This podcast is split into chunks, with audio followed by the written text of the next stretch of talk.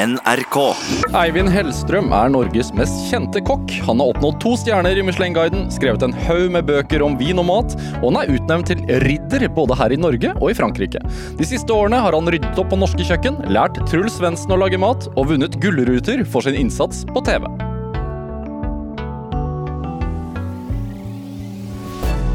Dette er Drivkraft med Vegard Larsen i NRK P2. Eivind Hellstrøm, hjertelig velkommen hit til Drivkraft. Jo, tusen takk. Fornøyd med CV-en eh, ramset opp? Ja, så Det er topp. Det er, er rett og slett topp. Ja. Eh, hvordan har du det sånn ellers i dag? Du, jeg har det fint. Jeg har eh, jeg har det fint fordi jeg er i godt humør, og eh, det er mye på bakgrunn av at eh, den hunden som jeg har hatt nå i ti år Og ti år er egentlig ganske lang tid. Det er mange hundeår. Det er mange hundeår. Han er på alder med meg nå. Sånn sett. Ja. Eh, jo, han er i fin form, fordi han har vært gjennom mye drit. Altså operasjon i ben og operasjon og Oi. eh, av kreftsvulst som dukker opp. Og nå er alt fint. Det eneste, det, det siste som eh, måtte gjøres, var at han måtte kastreres. Men det er greit nok når det er ti år. Stakkars. Jeg syns, jeg, Stakkars syns- gutt. Ja, fader, altså. Jeg syns synd på ham. Ja. Men han er pigg og opplagt, og det, derfor så er jeg også pigg og opplagt. Er det, er det, har du startet dagen med å gå tur med han, eller? Ja, ja, Ja. selvfølgelig. Han er- må ut, han må ut, og da står det om eh, sekunder. Ja. Han må ut fort. Eh, når han først eh, våkner og begynner å bevege seg. Så skal det skytes inn at han er en eh, god, godlynt, eh, fin bokser. Det er en bokser. Engelsk bokser og heter Nelson. Ja. Er det sånn Bokserne, er- de drev og kappet halen av de Ja, De slutta med det for fem eller seks år siden. Så den jeg har nå, jeg har lang hale. Ja. Men de bokserne jeg har hatt tidligere, de har hatt eller kuperte haler. Merkelig Ja. greie. Jo, det kan du si, men du vet. Det er menneskene som skaper eh, dyra. Ja. Hvor, hvor, eh, hva, hva heter han? Nelson, Nelson, Hvor er det Nelson sover? han sover eh, I senga? Han har to sofaer. Ja. Han går fra den ene til en annen. Ja. Så prøver han å komme opp i senga av og til. Men eh, prøver å være streng. Og det er ikke alltid like lett. Men han tror selv at han er en chihuahua i, i forhold til størrelsen på For han er jo ganske svær. Ja. Han veier 35 kilo. Og eh, en svær bokser i senga kan jo bli eh, Da kan det bli trangt for mennesker. Men jeg prøver å holde ham i, eh, i, i, på kjøkkenet. Jeg har to sofaer på kjøkkenet. Og Du har to sofaer på kjøkkenet. ja, to små sånne toseters. Hvor stort er det kjøkkenet? nei, kjøkkenet er ganske stort. Ja. Men eh, det er jo først og fremst et kjøkken. Og så er det et, eh, et, et bord imellom hver sofa. Og så går han fra den ene uh, Corbusier-sofaen til den annen. det Nå ligger det ok. noe pledd i det. Ja, Men han, har det, han har det faktisk En relativt dyr uh, designseng, med andre ord. Ja, det kan du si, men de eh, Corbusier-sofaene Jeg skal ikke sitte og skryte av de, men de har vært med meg ganske mange år. da Så jeg har, jeg har flytta rundt omkring mye. Men eh, de to Corbusier-sofaene De har vært med meg hele tiden. Ja, det er Fra du bodde i Frankrike? Eh, nei. Nei. nei, nei, dog ikke. Nei. Men er det sånn, altså, du, du hører du har to sofaer på, på kjøkkenet med et bord imellom. Altså, Er det spiseplassen på kjøkkenet? Ja, det, der er det plass til eh, to stykker. Ja, men Sitter du i sofaen og spiser Nei, jeg sitter på kjøkkenet? nei, nei, det er to stoler også. Ja. Så det er relativt god plass. Men, Altså, hvor svær nei, det er ikke svært. Det er jo ikke det, men det er eh, Jeg hadde ikke fått plass til sof to sofaer, spisebord og to stoler på kjøkkenet mitt. Helt det sikkert ikke. Nei. Men eh, når jeg bygget om det kjøkkenet, så, så var jeg veldig veldig bestemt på at eh, de to sofaene de skulle stå der fordi der skulle Nelson ligge. Og Eller sitte. Han sitter jo der som en konge. det er hyggelig. Det er din tredje bokser. Hvorfor er bokser Nei, han er en øh, sjette. Den sjette? Ja, Og bokser bare Bokser hele veien. Hvorfor er det, øh, Nei, det- et minne som passer godt med deg? Øh, jeg vet ikke. Det, det som er spesielt med bokser, da kan jeg selvfølgelig si at eh, de ligner på eieren, men eh, de er godlynte og eh, happy så lenge de ikke har sykdommer hele livet. Så de hopper og danser hele livet. Og eh, som er, altså godlynt hele livet. Ligner på eieren sin. Selv om mange har en helt annen oppfatning av uh, Hellstrøm i uh, det store bildet, så, så er det Det er sannheten. Og trenger ganske mye mosjon, da. Ja, han får sine turer. Ja. Og det er fint, for da får jeg også en tur. Ja. Det er veldig interessant at dette startet som eh, ble en prat om hund. Eh, Ja, det, men jeg, jeg, tenker bare sånn, altså Siden jeg har, har Eivind Hellstrøm her som, Altså Du er jo, som jeg sa i, i innledningen her, Norges mest kjente kokk. ja, det kan du si, men det er gjennom TV-ruta, ikke sant? Og selvfølgelig. Jo, men også hva bragder du har gjort, og radio og Og sånne ting. bøker. Men eh, vi må jo snakke om mat. Ja, Og, og jeg tenker sånn mat er viktig. For det slår meg litt sånn altså, når jeg har sett på serien Truls Halla Hellstrøm, hvor du og Truls Svendsen reiser rundt eh, i verden og spiser, og du prøver å lære opp han å lage mat Mm. og sånne ting, så slår det meg at du er ikke noe frokostmenneske. Nei, det Absolutt ikke. Uh, Hvorfor ikke det? nei, hvorfor skal jeg være det, liksom? Det er eh, Nei, frokost er uh, Hva har du spist i dag? I dag har jeg eh, egentlig ikke spist så veldig mye. Jeg har eh, tatt meg to eh, svarte kaffer. Og så har jeg Så skjærer jeg opp noen tynne skiver med bagett, som vi kaller. Holdt, Kaller det? trodde jeg du skulle si andekonfi, men det var Ja, ja, ja, ja, ja. Nei, det blir noen brødskiver med Eller bagett, da. Også med eh, toaster. Ja. Og så gir jeg halvparten til Nelson og litt til meg sjøl. Men ikke noe pålegg og ikke noe stæsj. Det er typisk morgenrutine. Ja, ja, det, ja, for så vidt er det det. Og så må jeg ut med, ut med han nå. Da løper vi ut. Ja. Når er det du inntar liksom ditt første måltid på dagen? da? Nei, det er eh, nå, sånn som det er nå, så er det Det, det er ikke noe lunsj hvis ikke jeg går ut og spiser en lunsj. Eh, men det er eh, rettet mot en god middag. Så jeg tar en liten handletur. Ja.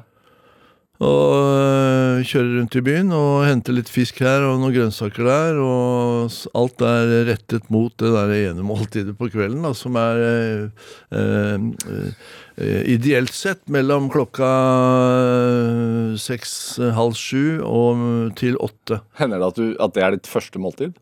Nei, jeg spiser noen småting innimellom. Ja. Men det er ikke noen store greier. Jeg står ikke og lager en varm lunsj, sånn som de gjør i Frankrike. Men jeg har retter meg mot den der middagen. Og kjæresten min hun sier at jeg må spise før klokka er åtte. Og av og til så blir det ni og ti, og det er litt seint. For da blir, går det utover eh, formen og humøret. Og det er det verste som kan skje. At uh, kjæresten min eh, blir i dårlig humør.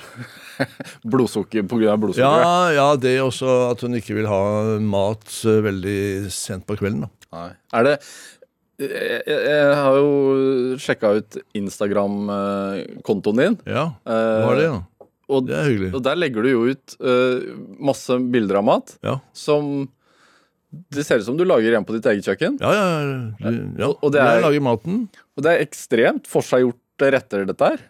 Ja, det er ikke det med tanke på at alt skal se så jævlig lekkert ut, men uh, jeg tenker at eh, det er en eh, Eller resultatet av de eh, riktige eh, handlingene som foregår på kjøkkenet mitt. Ja, du er blitt en veldig avansert matblogger, rett og slett. Sånn. Nei, men det er ikke avansert i det hele tatt, fordi det er enkel mat. Det er damper noe spinat, og så steker jeg en fisk, og så har jeg noe en Trenger ikke være en saus engang. Jeg bruker olivenolje istedenfor en uh, saus. Jeg står ikke og lager saus i to timer. Hjemme? Nei. Nei. Aldri? Jo, eh, altså en saus for meg er eh, det jeg kaller for kort, kort, en kortsaus. Den lages i øyeblikket, tar eh, fem minutter. Ok, Hva er en kortsaus, da? En kortsaus er Det kan være rett og slett ponzu eller soya. lett brunet smør. Eh, og litt sitron. Og litt finhakka eh, persille, gressløk, eh, koriander. eller det, det som jeg har, da. Ja. Men veldig ofte så, så gjør jeg enkle grep, og det som jeg legger ut på Instagram er, som jeg sier, resultatet av eh, riktig handling, riktig bruk av kniv. Altså riktig innkjøp? Ja, riktig innkjøp. Ja. Ja, selvfølgelig, det er superviktig. Ja. Fordi eh, det er det viktigste av alt, å skaffe seg de gode tingene, eller de gode råvarene. Eh, alt, og det kan være enkle ting. Det er bare rett og slett poteter og løk og, og eh, Ja, jeg har en svakhet for spinat, da, selvfølgelig. Hvorfor det? Det er fordi spinat er jo noe grunnleggende. Det er sånn eh, i, i, i, Spinat har noe grunnleggende i seg. Det er jern, og det, er, eh, det ser flott ut. Altså grønnfargen. Og det er utrolig viktig for meg å ta vare på den grønnfargen i spinaten. Og, eh, men det artige med Instagram da, jo nå, jeg, nå er jeg den første i eh, i, jeg ikke den første, men jeg er en av mange som sier at uh, skal aldri eh, eh,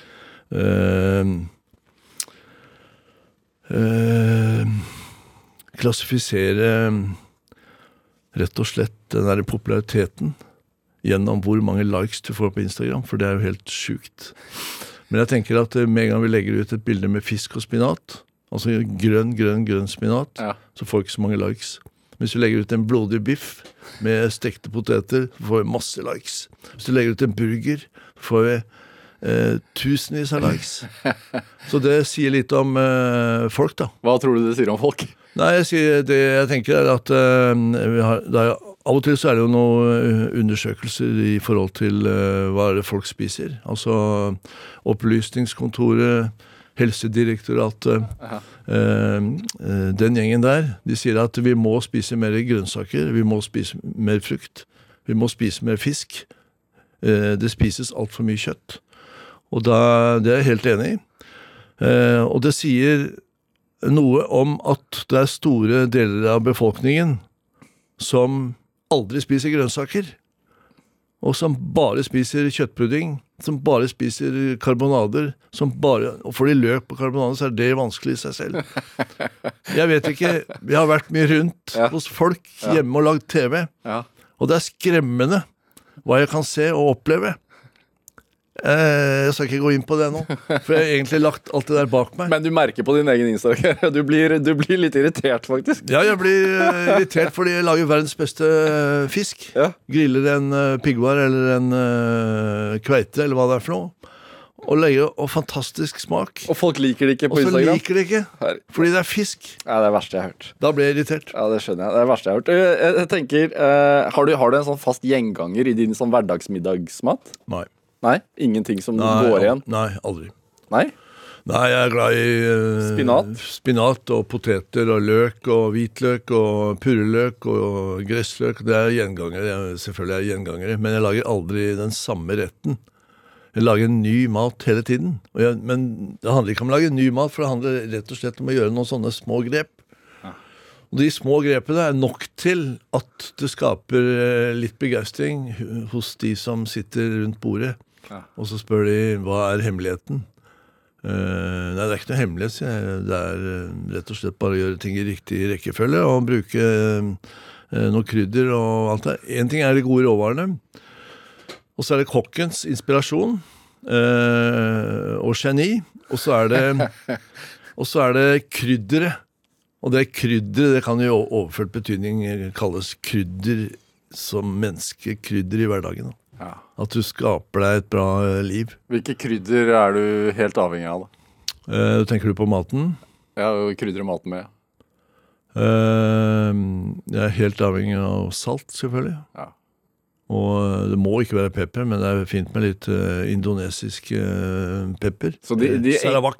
De enkle uh, Ja, de enkle, enkle Ja, eh, absolutt. Jeg er helt avhengig av salt og pepper. Du, du, du, du fortalte nå akkurat at du, da du konstruerte eller lagde kjøkkenet ditt, så måtte det være plass til to sofaer. Eller, men, men er det Hva tenker du er viktig i et godt kjøkken for deg? Altså Hva er viktig på ditt eget hjemmekjøkken? Ja, altså bortsett fra varmekilden, som er Nå har jeg elektrisitet og en kombinasjon med el og Det er jo el, det også. eh, Induksjon. Så jeg har en elplate, og jeg har en induksjonsplate, eller flere, da. Eh, og det er, altså Varmekilden er viktig. Vi kan bruke gass også, men jeg har ikke gass nå. Jeg gidder ikke mm, bale rundt med gassflasker. Men, men vil man, hvis man kommer inn på ditt kjøkken, vil man da forstå at dette er kjøkkenet til en mann som har viet livet sitt til mat? Ja, det tror jeg. Hvorfor det? Ja, nei, fordi det er en ganske stor sånn piano, som jeg kaller det. Eh, piano. Altså, det, det, det kommer fra eh, franske Eller franske kokker kaller eh, Hva heter det? Altså eh, ovnen, da. Eller toppen. Ja. Steketoppen eller koketoppen. Det kalles piano. Det er piano. Ja. Eh, hvorfor? Nei, franskmenn mener vel selv at Eller franske kokker mener vel selv at de er kunstnere, så de kaller det for piano. Og eh, når du kommer inn på mitt kjøkken og ser det pianoet jeg har, så skjønner du at eh, her er det en eh, Kunstner. kunstner som har viet livet sitt til eh, god mat. Ja. Ja, men det er god plass, og den er 1,80 lang. Eh, kanskje to meter. Ovnen. Ja. Oi. Toppen. Toppen. Ja. Ja. Men det er en kombinasjon. Jeg har lagt på litt eh, på hver side, sånn at jeg har plass til å stille kasseroller, eh, eh, panner, gryter osv. osv. Det er plass til både på, på hver side. Ja. Så det er plass til eh, alt det jeg bruker, da. ser egentlig ut som et Hvis man tenker inni hodet mitt at hvis man går inn, til, inn i, i, verkstedet til noen som er glad i å mekke eller snekre, Ja. så er det litt det samme som å gå inn på kjøkkenet hos deg. Det er, Ja, ja det kan det er mye greier. Ja, det er mye greier, og folk lurer på hvorfor jeg skal ha alle de greiene. Du har altfor mye greier, sier folk. Men folk Altså Hva er det, hva, Unnskyld, nå avbrøt jeg deg, men hva tenker du er liksom det kjøkkenredskapet folk flest har i skuffen sin som du tenker er fullstendig unyttig? Ja, det er alle de der tynnbundede eh, kjelene som de kjøper på Ikea. Som eh, og, Altså med all respekt for Ikea, for det er mye bra der. Og du, du kan kjøpe Istedenfor å kjøpe én dyr eh, teflonpanne som du tror skal holde hele livet, fordi teflonpanner holder aldri hele livet, eh, så kjøper jeg heller eh, ti eh, teflonpanner på Ikea. Og bruker de så lenge de varer. Men nå er jeg ikke så veldig begeistra for teflonpanner lenger. Eh, Det er fint til sitt bruk, men eh, jeg må ha tykke bunner. Altså eh, kjeler, kasseroller, kokotter som har en tykk bunn. Og jeg Hvorfor er det- det viktig? Nei, fordi det har en helt annen uh, varmespredning og uh, ta vare på eh, råvarene på en helt annen måte. F.eks. En, en eh, kjele med tykk bunn, jerngryte gjerne, løk stille og rolig. Løken står der og koser seg, blir lett gyllenbrun, smaker fantastisk når den er ferdig. Karamellisert løk på en uh, burger eller en biff, eller på fisk også, er eh, opplevelse. Undervurdert. Nei, men løk altså, Jeg kan ikke lage mat uten løk og hvitløk og som jeg sa, purreløk og løk i det hele tatt. Men uh, det, det- absolutt ikke undervurdert, man bare gjøre det på den riktige måten. Tenker du at uh, det å lage mat er en uh, sosial greie? Og, og jeg spør deg egentlig fordi at jeg, Ja. jeg leste en gang at, at broren din har sagt at hvis du lager middag hjemme hos han, eksempel, så klarer du ikke å la være å ta regien. Nei, det er riktig. Hos han så gjør jeg det. Da tar jeg litt over. Eller viser ham hvordan han kan eh, eh, gjøre ting bedre, da. Og det, har- ja. jo. jo, men det handler jo om det. Fordi jeg klarer ikke å sitte rolig og se at eh, du eh, gjør noen feilgrep. Selv ikke broren din. Nei, nei men nettopp fordi det er han, Ja, okay. så kan jeg gjøre det. Ja. Samboeren din, da? Uh, der skal jeg ikke blande meg så mye. Det, det vil jeg aldri utsette meg selv for. Eller i hvert fall ikke henne. Fordi hun lager pannekaker, hun lager eggerøre, hun lager eh, taco på sin måte. Og det blander jeg meg aldri opp i. Og det funker utrolig bra, for det blir eh, topp resultat. Og eh, vi koser oss og spiser, og sønnen hennes, han eh, koser seg med de, med de tingene. Og han får taco. Han ser frem til hver fredag hvor det er taco. Sånn er det blitt i landet. Tenk deg det, det er et fenomen. At det er blitt sånn at Meksikansk mat står på middagsbordet hver fredag. Ja, og barn Altså, han er ti år nå. Og eh, han skal ha taco. Og så var det Black Friday like før, eh, før jul. Ja. Og så ringer han til mamma og sier ja, jeg gleder meg til i dag. Og vet du hva, i dag er det Black Friday. Og da, vet du, da er det taco på, til halv pris. det han har fått med seg. Ja. Tacoen ble solgt halv, eh, for halv pris den fredagen. Det er et fenomen. Ja. Meksikansk mat til eh, tiåringer hver fredag. Og det er ikke bare tiåringer. Det er jo hele landet er jo Det er jo galskap, egentlig. Blir du litt provosert av det? Nei, ikke, noe, ikke noe lenger. Nei, nei. Det er samme som meksikanere skulle spise pinnekjøtt uh, hver Hver fredag. fredag i, i uh, sitt eget land, ikke sant. Ja. Det er jo galskap. Ringer de hjem. Nå er det pinnekjøtt til halv pris. du, eh, Eivind Hellstrøm. eh, du, som jeg sa i introduksjonen her, du er ridder. Både- Ridder av første klasse. Ridder av første klasse både her hjemme og i Frankrike. Ja, ja, ja. Eh, burde jeg egentlig sagt ridder Eivind? Ridder Hellstrøm. Ja. Nei. Det, skjer det at noen gjør det? Nei, jeg har ikke medaljene hengende over senga. Nei? Nei. Det er, de er pa pakka ned. Og det artige med det artige med Det er ikke så artig, men eh, det er et eh, eh, rett og slett et faktum at St. Olavs, eller ridder av første klasse St. Olav, den må du levere tilbake når du dør. Mens den franske æreslegionen, den tar du med deg i grava. Eller gir den videre til dine etterkommere. Så det er spesielt, da. Ja. I, I Norge må du levere tilbake, og det syns jeg er litt kjipt. Ja. At du må, Først får du den medaljen, så må du levere den tilbake når du dør. Du kan ikke gi den til eh, eh, kjæresten din, eller eh, la den gå i arv. Mens i Frankrike så beholder du den. Men det er jo ingen som et, altså Når man dør, så er det jo ingen som gjør en husransakelse etter den St. Olavsorden. Det er bare å gjemme den godt bort. Ja, ok, da. Da snakker vi ikke mer om det. da tar jeg det med meg. Men altså, bortsett, det- dette er utmerkelser du har fått for din innsats uh, Ja, for å spre mat, Ja, matglede og matkunnskap. ja det kan du godt si. Og jeg tenker sånn, Rent bortsett fra at det er veldig hyggelige utmerkelser, som sier noe om hva du har gjort i løpet av livet ditt, så eh, lurer jeg på sånn, følger det med noen goder? Uh, ja, faktisk. Uh, jeg var i Paris, hadde en PC-bag og noen menyer fra Bagatell, eh, og jeg skulle vise frem til eh, noen folk som jeg skulle ha møte med. Og så glemmer jeg PC-bagen i en taxi, og alt forsvinner. Hele, eller hele grunnlaget for å, at jeg skulle ha det møtet, eh, eh, forsvinner. Og bagen er borte i tre døgn. Jeg gjør alt jeg kan for å få tak i. Så er det en taxisjåfør som ringer til Bagatell i Oslo mens jeg står i Paris, og sier og spør etter eh, monsieur Elstrøm. Fordi han hadde åpna PC-bagen, Ja. som han har funnet i taxien, bakerst. Og eh, ser at eh, Og der er bilde av en meny fra Bagatell hvor den store eh, eh, ikon i fransk kjøkken, Paul Bocuse, overrekker eh, medaljen og fester den på mitt bryst. Og, og sånn sett så fikk eh, denne taxisjåføren eh, tak i at jeg eh, Eller nummeret til Bagatell i Oslo. Han sier at han har noe som tilhører meg. Eh, han er ridder av første klasse. Eh, eller eh, æreslegion. Ja. Og sånn sett så fikk jeg den bagen levert tilbake. Og det, er, eh, det ser jeg på som en stor fordel. Det hadde aldri skjedd i livet hvis ikke han hadde sett at jeg var medlem av æreslegion. Så det er en slags æresfrykt.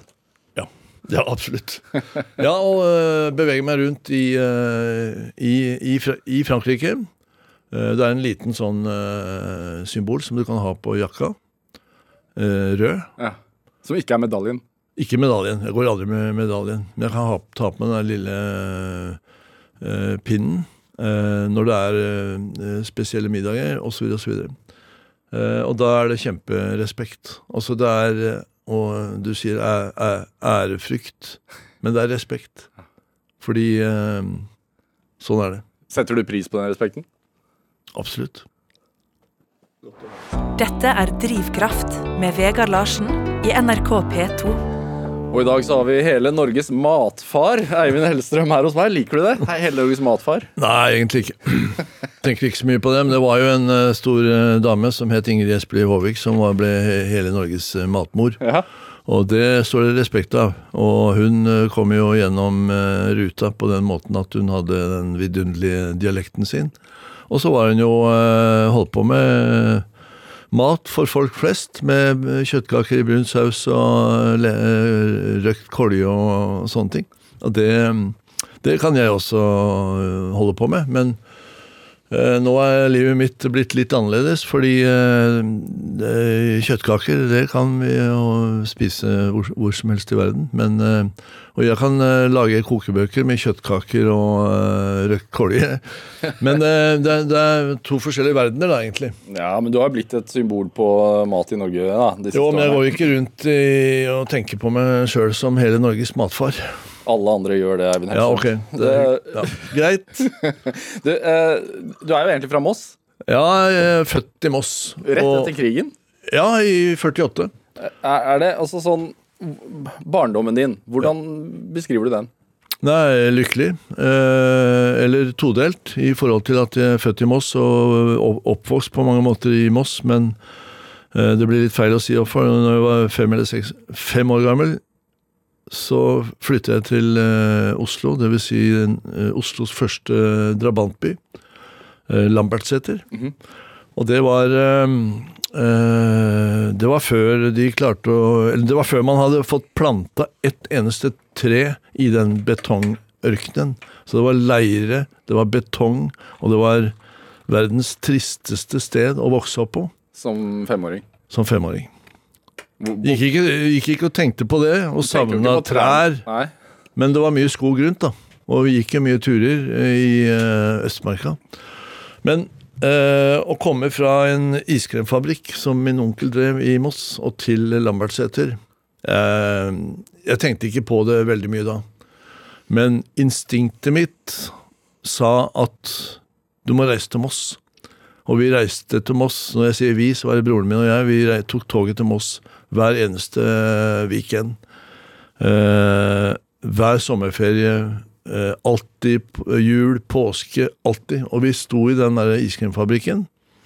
Og vi begynte å når vi klarte å gå på egne ben og klarte å tenke egne tanker og alt der, så var vi med og jobbet, og vi jobbet der fra skal ikke si fra vi var fem år gamle, men si at vi var ti år gamle. Og frem til kanskje 20-25 så var vi med der og hjalp til i den iskremfabrikken og gjorde alt. Og det var en eh, det var en eh, Det var ikke jobb, fordi det var, eh, det var gøy, det var moro, det var glede, det var action, det var liksom Det skjedde noe spennende hele, hele tiden. Hva het den isen? Frisk og god. Frisk og god? Ja, frisk, bindestrek, o, bindestrek, god, Så hvis, go. hvis man er fra Moss eller området, så kjenner man den. Ja. Ja. Frisk og god ble, var den store isen i, eh, i Moss og omegn. Vi kjørte ned til Larkollen og opp til Drøbak. Men, men du, kjente Altså, du øh, følte det, eller du tenkte ikke at Lambertseter var et godt sted å være, da? Rett og slett. Jeg tenkte at det var øh, kjipt å være der, men samtidig så, så hadde vi det bra der, da. Vi hadde, det, var jo, altså, det var jo mamma og pappa som øh, styrte greiene, men det var eh, fint fordi det var eh, Altså, Lambertseter i dag er jo blitt eh, et eh, hyggelig område. Eh, men den gang så var det trist. Men det var fint på den måten at vi hadde varmen fra mamma og pappa. De var gode folk. Eh, men storheten var Moss og Iskremfabrikken og min onkel, som eh, ble en mentor på mange måter. i forhold. Han ble mer mentor, han, enn faren min. Det er klart det at en iskremfabrikk er fristende for barna. Men jeg tenker, altså, jeg så, så programmet 'Hvem tror du at du er?' hvor du, hvor du Ja, ja. var med. Og, og, og der forstår man det jo sånn at, at du kommer fra relativt trange kår. Trangt. Er det, Merka du det noe i det hele tatt som barn? Uh, Nei, egentlig ikke. Jeg merka vel at vi var ikke de første som fikk uh, nye sko. og Det ble mye skippertak sånn i forhold til at eh, nei, nå må vi bare eh, Vi må skjerpe oss, liksom. Men eh, det altså, var trange kår på den måten at vi eh, eh, Det var mye jobb. Eh, og det var ikke noe eh, fantastisk i Moss heller. Det var jo trange kår der òg, men uansett så var det en, det var en iskremfabrikk som, eh, som var eh, rett og slett eh, en bedrift som gikk rundt, og det var bedre kår i Moss enn det var på Lambertseter. Altså, min, eh, min far og min mor de måtte jobbe og holde på hele tiden for å hente inn eh, midlene. Og eh, det var Altså, jeg husker når jeg Når jeg var i militæret Førstegangstjeneste, Madla i Stavanger. Og, og dette var eh, ja, Nå husker jeg ikke når det var engang. Men det var militærtjeneste. Slutten av 60-tallet eller starten? Ja. Ja, det må ha vært det. Ja. Eh, dårlig kår. Altså, eh, min mor sender meg eh, et brev. Sånn eh, bare for å Et hyggelig brev med håndskrift og alt det. Og i den konvolutten så lå det en seddel. Ti kroner. Altså ti kroner. Det var det hun hadde råd til å sende meg. Vi hadde ingenting. Hun sendte ti kroner eh, og det brevet i posten.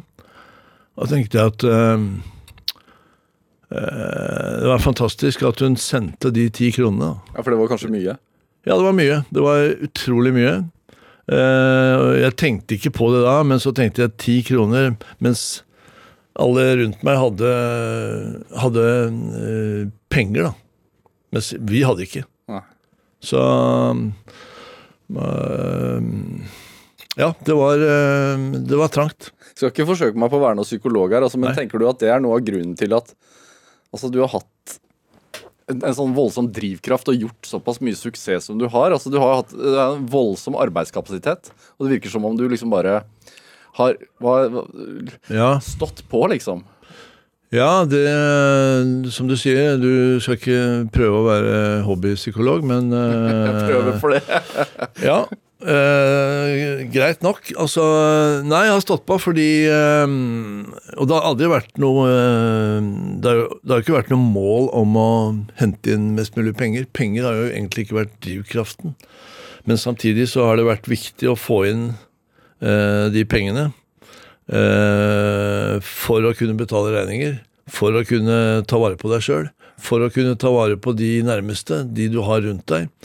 Eh, men den eh, Jeg tror Altså, hvis du skal lete etter noe drivkraft eh, hos meg, så, så er det ikke primært pengene.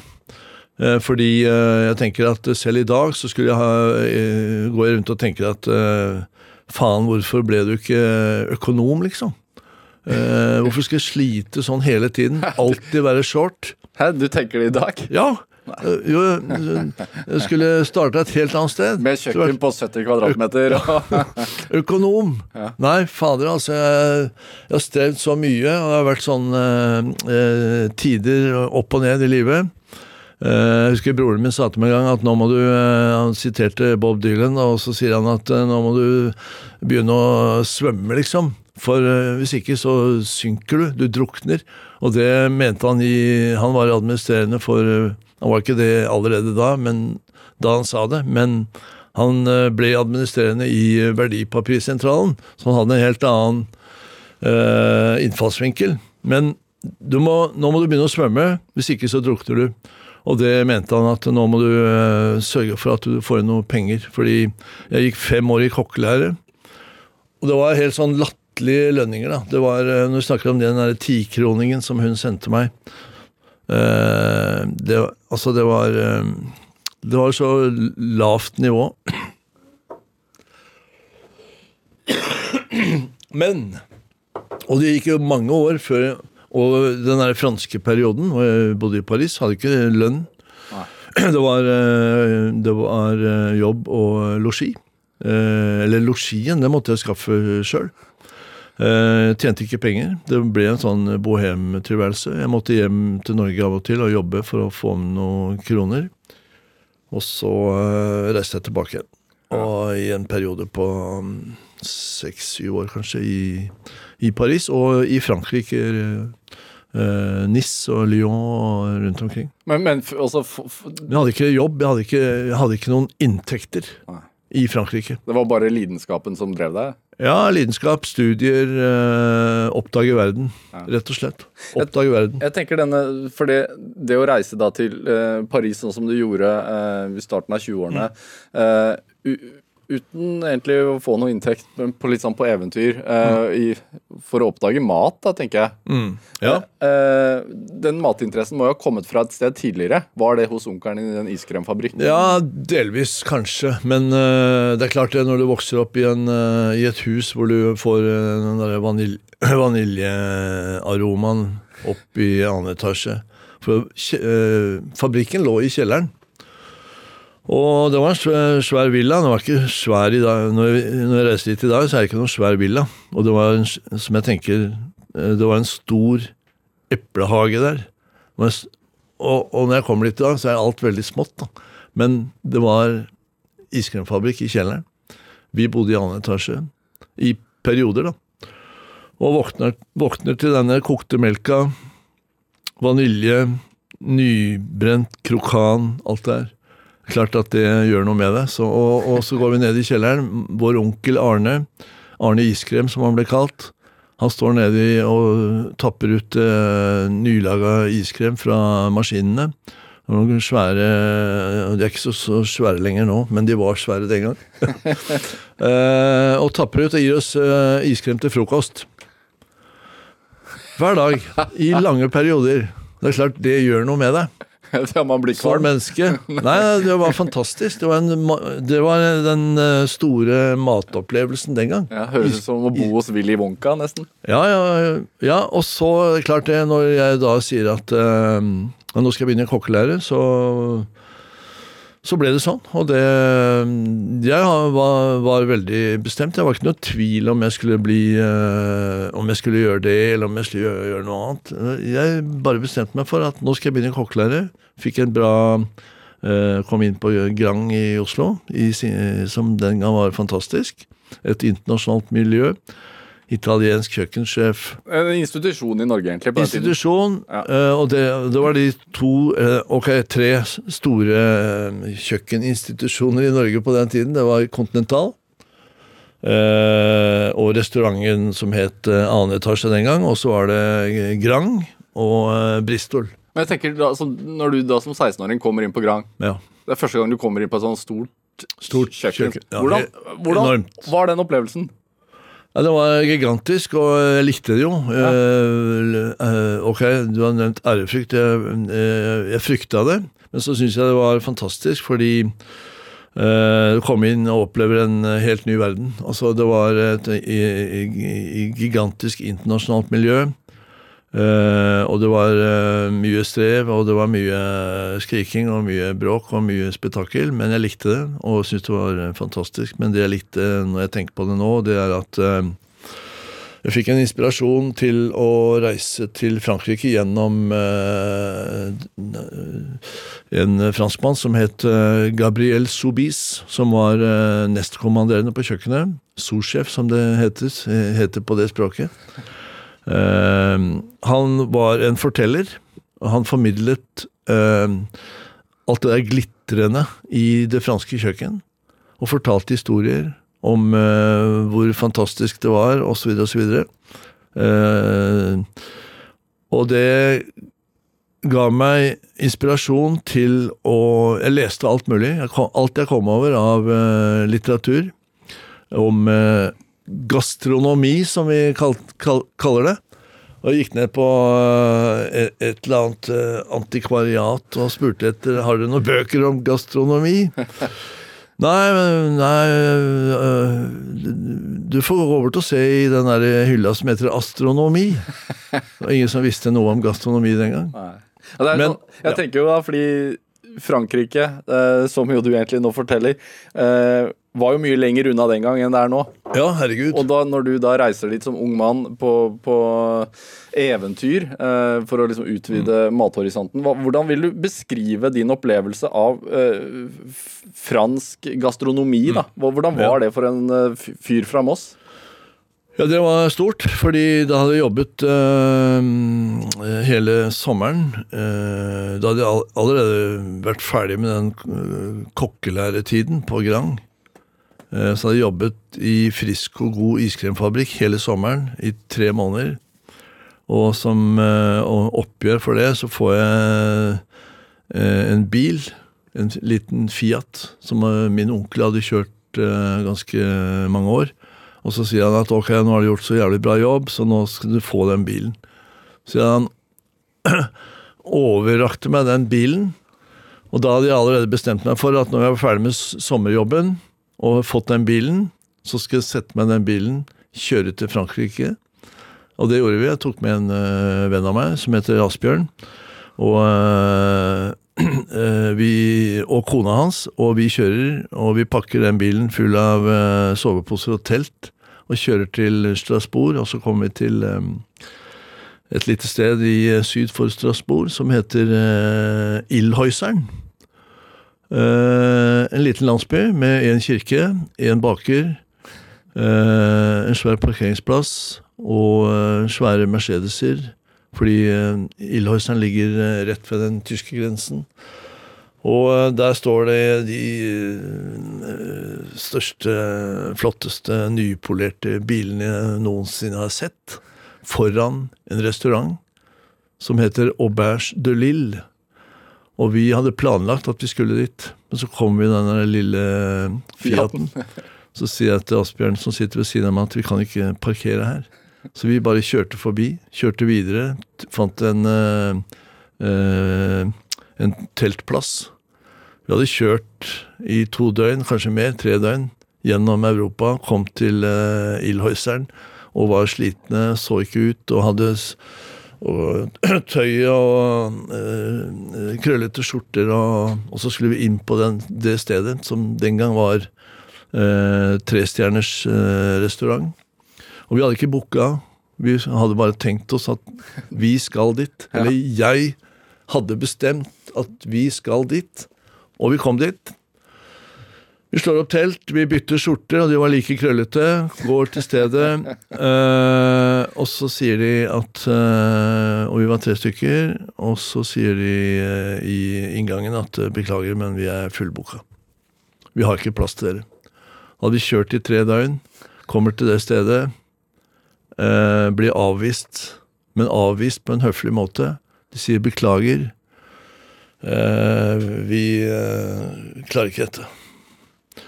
Og så eh, kommer eh, sjef, eh, Paul som han heter, kommer forbi og ser oss, og så sier han at til sin bror som var i restauranten, kan vi ikke bare dekke opp til dem i baren? Og så gjør de det. De duker opp et bord for oss tre i den lille eh, baren som var det venteværelset for, foran restauranten. Og så får vi eh, den der oppdekkingen, og det, vi får maten, og vi får vinene, og vi får fantastisk opplevelse. Og det, eh, i, et, i ettertid, det ga meg den derre eh, inspirasjonen til eh, For da var vi jo bare på tur, jeg skulle ikke ned og jobbe. Eh, og så kom jeg hjem igjen, og så tenker jeg at den der opplevelsen som vi hadde på den der Auberge de Lille, det var så skjellsettende, for å bruke et klisjéaktig uttrykk. Det, spred, det spredte seg i, eh, i kropp og hode og sjel. Så jeg tenkte at jeg skal bare tilbake til Frankrike, jeg skal jobbe. Jeg skal bli kjent med dette landet, de folka som viste den eh, gigantiske gjestfriheten som det var når vi kom støvete, krøllete, slitne, så ikke ut. Eh, vi får den opplevelsen. Og det var helt uh, ut av en annen verden. Det var helt genialt. Og etter det så har jeg elsket Frankrike. Er det Jeg merker at du nesten blir Du blir jo litt rørt når du tenker Ja. over dette her. Veldig. Hvorfor det? Eh,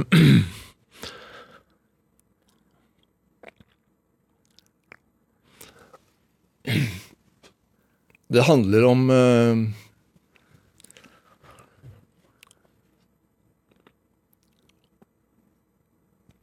Det handler om eh, menneskelighet. Du ble sett og tatt imot uansett hvor du kom fra. Veldig. Hva er, det mye av grunnen til at du har ønsket å gjøre det samme for folk også? Åpne ditt egen, din egen restaurant og tenke at her er det rom for alle? Ja, det kan øh, Ja, absolutt. Det er jeg med på. Mm. Fordi øh, etter øh, Ok, jeg sier at jeg har opplevd den der fantastiske øh, menneskeligheten og mottakelsen, alt det der. Øh, Skjellsettende og alt. Og så, i perioden hvor jeg jobbet i Paris, så var det jo en kamp for å overleve. på mange måter. Det var ikke bare godhet og snillhet og øh, For fantastisk. restaurantlivet kan være tøft også. Restaurant er det verste du kan holde på med. Ja, egentlig. Det er eh, skrekkelig. Men eh, det er mye, og du lærer mye, og det er inspirasjon. Og, eh, og som jeg sier, når jeg kom tilbake eh, etter den franske perioden eh, og starter eh, restauranten Bagatell i Bygdø allé, så var det eh, Ja, når du sier det eh, Det var et dyrt sted, Bagatell i Bygdøy allé. Mm. Det var jo et dyrt sted. Ja, det ble dyrt. Ja. Ja, men det var ikke dyrt. Nei. Men vi, fordi det var det eneste Det er helt riktig, det ble dyrt. Men det var ikke dyrt i starten. Det var eh, rett og slett bare en eh, restaurant hvor, eh, med det som formål å eh, bygge på de kvalitetene som jeg hadde lært å eh, hente hjem fra franske, den franske perioden. da. Det ikke noe, jeg hadde ikke noe andre eh, ambisjoner og vyer og eh, langsiktig drøm om å drive en flott restaurant med stjerner i Michelin-guiden og alt det, for det fantes ikke noen Michelin-guide i Norge da. Men det bare kom. Det kom. Men stemmer det at eh, du var så misfornøyd med råvarene som var her i Norge, i forhold til det du hadde eh, smakt og sett og opplevd i, i Frankrike, at du smuglet ting over grensen? Ja, jeg måtte jo det. Ja. Det var, jeg hadde ikke noe valg. Nei. Eh, når vi startet i eh, 82 Ja, hva var det du hadde da? Du, Nei, alt mulig. Alt. Alt. Men uh, når vi startet Min kompanjong Ole Petter Rostad var gift med, eller er gift med Eva Rostad. Hun var flyvertinne, fløy ofte på New York. Og så sier jeg til Eva hver gang jeg fikk høre at hun skulle til New York Du må løpe ned i Chinatown og øh, kjøpe med deg to svære bokser med spring onions, altså vårløk. For det fantes ikke en vårløk i Norge i 1982, tenkte jeg det. Og så var det alt det andre som eh, heter eh, duer og vaktler og eh, ender, eller eh, gås. eh, eh, franske oster. eh, alt. Eh, Måtte hentes i utlandet. I Frankrike. hentet. Ja. Jeg reiste selv, og med en gang jeg fikk høre om uh, venner som reiste, så sier jeg dere måtte gå innom og ta med det og det og det. Kalte det for vareprøver. Og det ble mye vareprøver. Det ble mye franskoster. Det ble duer, det ble alt. Og vi holdt på med det der i årevis. Og jeg gjorde ikke det for at vi skulle få inn billige, billige ting. Vi gjorde det fordi vi skulle ha inn fantastiske produkter, slik at vi kunne servere eh, geniale måltider på den restauranten. Men når du sier at det var et dyrt sted, så var det jo egentlig ikke det. For jeg tenkte alt det der som lå bak av eh, innsats og eh, omtanke og eh, Altså hele den der laboren som lå bak, da. Ja. Eh, helt enormt. Så egentlig så skulle vi hatt dobbelt så høye priser. Er det, altså Det norske kjøkkenet har jo utviklet seg enormt siden den gang. Eh, nå får man jo tak i stort sett det fleste, meste Ja, parten av det dere mye. Det har blitt mye bedre. Hva, hva, hva tenker du om det at du faktisk har vært en pioner for mat i Norge?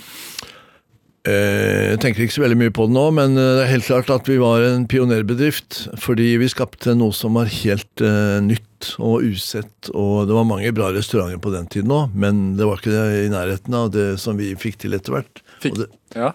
og det skyldes rett og slett en veldig sånn målretta innstilling i, forhold til at vi skal bare jobbe med det beste. Eh, Og det handler ikke om dyrt, og det handler ikke om luksus, og det handler ikke om prestisje og noen ting. Vi skal bare jobbe med de bra tingene for å skape eh, fantastiske opplevelser for folk som kommer og betaler eh, du sier i dyre dommer. Jeg, man betaler for et måltid, og da skal det ligge noe bak der som eh, gir deg en opplevelse.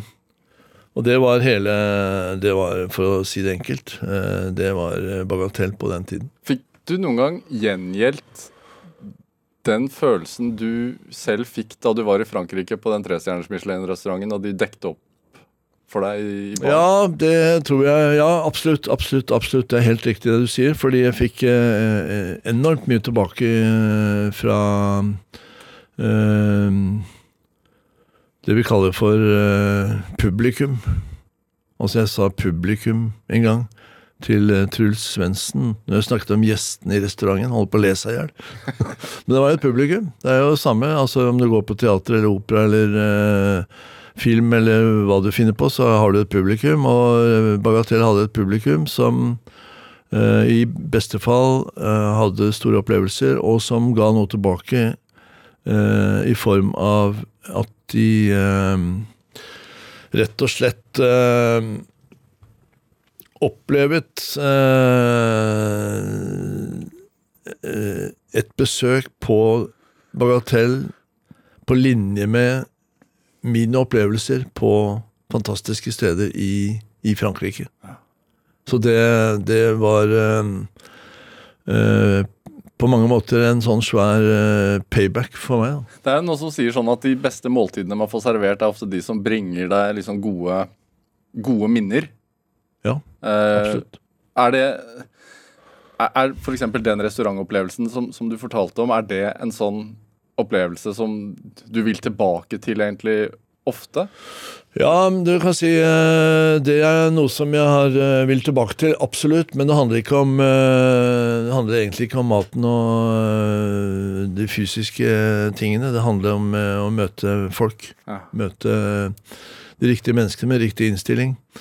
Og det er jo det det handler om i restaurant også, at det er Hvis ikke du har den energien og entusiasmen for det du holder på med, og de folka som du møter i døra da, når uh, Uansett om du går på restaurant i uh, Oslo og, uh, for å spise og ha det hyggelig, så er det Hvis ikke du Eller jeg må kjenne den energien når jeg møter folk i døra. Hvis ikke den er til stede, så blir det bare en trist opplevelse. Merker du, altså når man er Eivind Hellstrøm og setter seg ned på en restaurant Er det Jeg lurer på hvordan det er. er Nei, jeg vet ikke. Jeg, er Jo, snill og grei. Jo, men ja, du er, du er sikkert snill og grei, men jeg tenker meg at, det, at det, vi snakket jo litt om ærefrykt. Ja. Det går sikkert et lite sus gjennom personalet hvis, det, hvis du kommer inn i restauranten. Ja, det kan godt hende, men eh, da tenker jeg samtidig at eh, ja, jeg håper det. sånn at de kan skjerpe seg. Er det, altså, hva, hva er det som driver deg i dag? Er det fremdeles å utvide smakshorisontene, eller? Nei, ikke så mye smaken, eh, fordi den eh, Smaken er jo utrolig viktig, og det skrekkelige i, i livet er jo hvis man mister smaken, tenker jeg. Du har ikke gjort det? Nei, Nei. absolutt ikke. Og det, det har smaken for, eh, for eh, Altså, eh, man snakker om smaksopplevelse, men smaken, riktig smak på mat eller vin, eller hva det er, lukt, aroma, alt. Hvis det er, hvis det er noe feil der, så blir det dårlig stemning. Jo, men hva, hva er det som driver deg? Ja. Tenker Du har lagt restaurantkarrieren litt bak deg. Du Jo, jo. skriver jo kokebøker nå og lager TV. Altså, hva er drivkraften til Eivind Hellstrøm for tiden? Uh, jeg går ikke så veldig mye å tenke på hva er drivkraften, Uh, men uh, jeg tenker jo på å eh, Man må jo ha en eh, Det må jo ligge noe eh, eh, utvikling her. Altså Kan jo ikke gå og se tilbake på alt det man har gjort. Det er mange i din alder som kanskje velger å gjøre det. Ja, det, men det gjør ikke jeg. Jeg ser bare fremover. Og selvfølgelig så Klart at jeg får noen bilder av ting fra et levd liv. Klart. Eh, hvis ikke så er man jo eh, eh, avstumpet Men jeg har fantastiske opplevelser. Eh, du spør meg om drivkraft, og da tenker jeg at drivkraften i dag, og det har jo egentlig vært til stede kanskje hele tiden, i hvert fall så lenge jeg har drevet virksomhet. Sånn Restauranten var én ting, Ja. TV nå, ok, eh, bøker og alt det der. Men drivkraften der er jo formidling, altså det er formidling. Og da tenker jeg fra starten på Bagatell, hvor jeg, hvor jeg, sto midt i flokken, altså når jeg snakker om flokken, så var det de tre, fire, fem ansatte som jeg selv hadde ansatt. Og som var unge folk som ikke hadde peiling i det hele tatt. De var helt, helt altså fullstendig nullstilt alle sammen. Eh, og jeg var ikke det. Jeg var ikke nullstilt, for jeg hadde en eh, bakgrunn fra fantastiske opplevelser. Jobbet på franske kjøkken i Paris og lært utrolig mye. Jeg var, jeg var en sånn, hva skal jeg kalle det, eh, en, en bombe av kunnskap. Som jeg ville formidle. Og det føler du at du fremdeles er? Ja, på mange måter. Ja. Ja, jeg skal ikke si at jeg er en bombe nå, men øh, på den annen side så, så er jeg et sånn øh, Det er opplagra mye kunnskap, og den kunnskapen den prøver jeg å formidle gjennom øh, Ja, bøker er én ting, men øh, bøker når jo ikke så Uh, langt frem som TV, for eksempel. Hvorfor, også veldig kort der nå, fordi nå begynner timen å gå mot slutten. Hvorfor er det så viktig for deg at folk har et godt forhold til mat, og ser mat i et, en bredere horisont? Jo, fordi øh, gjennom et liv så skal man ha opplevelser, og, men mat handler mye, mye mer. Da. Den sosiale siden, selvfølgelig. At man sitter sammen og spiser rundt et bord og alt det, og så syns at øh, livet er fantastisk. Men det handler også om sunnhet, riktig ernæring. det handler om inspirasjon. Hvis du ikke får noen inspirasjon gjennom den maten du spiser, så tenker jeg det er, da er det, da er det, det er bortkasta tid, liksom. Eivind Hellstrøm, det var det vi rakk. Tusen takk for at du kom hit til Drivkraft. Tusen takk skal du ha. Hør flere samtaler i Drivkraft i NRK Radio på nett og app, eller last oss ned i din podkast-app. Produsent i dag var Fride Næss Nonstad. Jeg heter Vegard Larsen. Dette var Drivkraft, og nå får du Dagsnytt her på P2.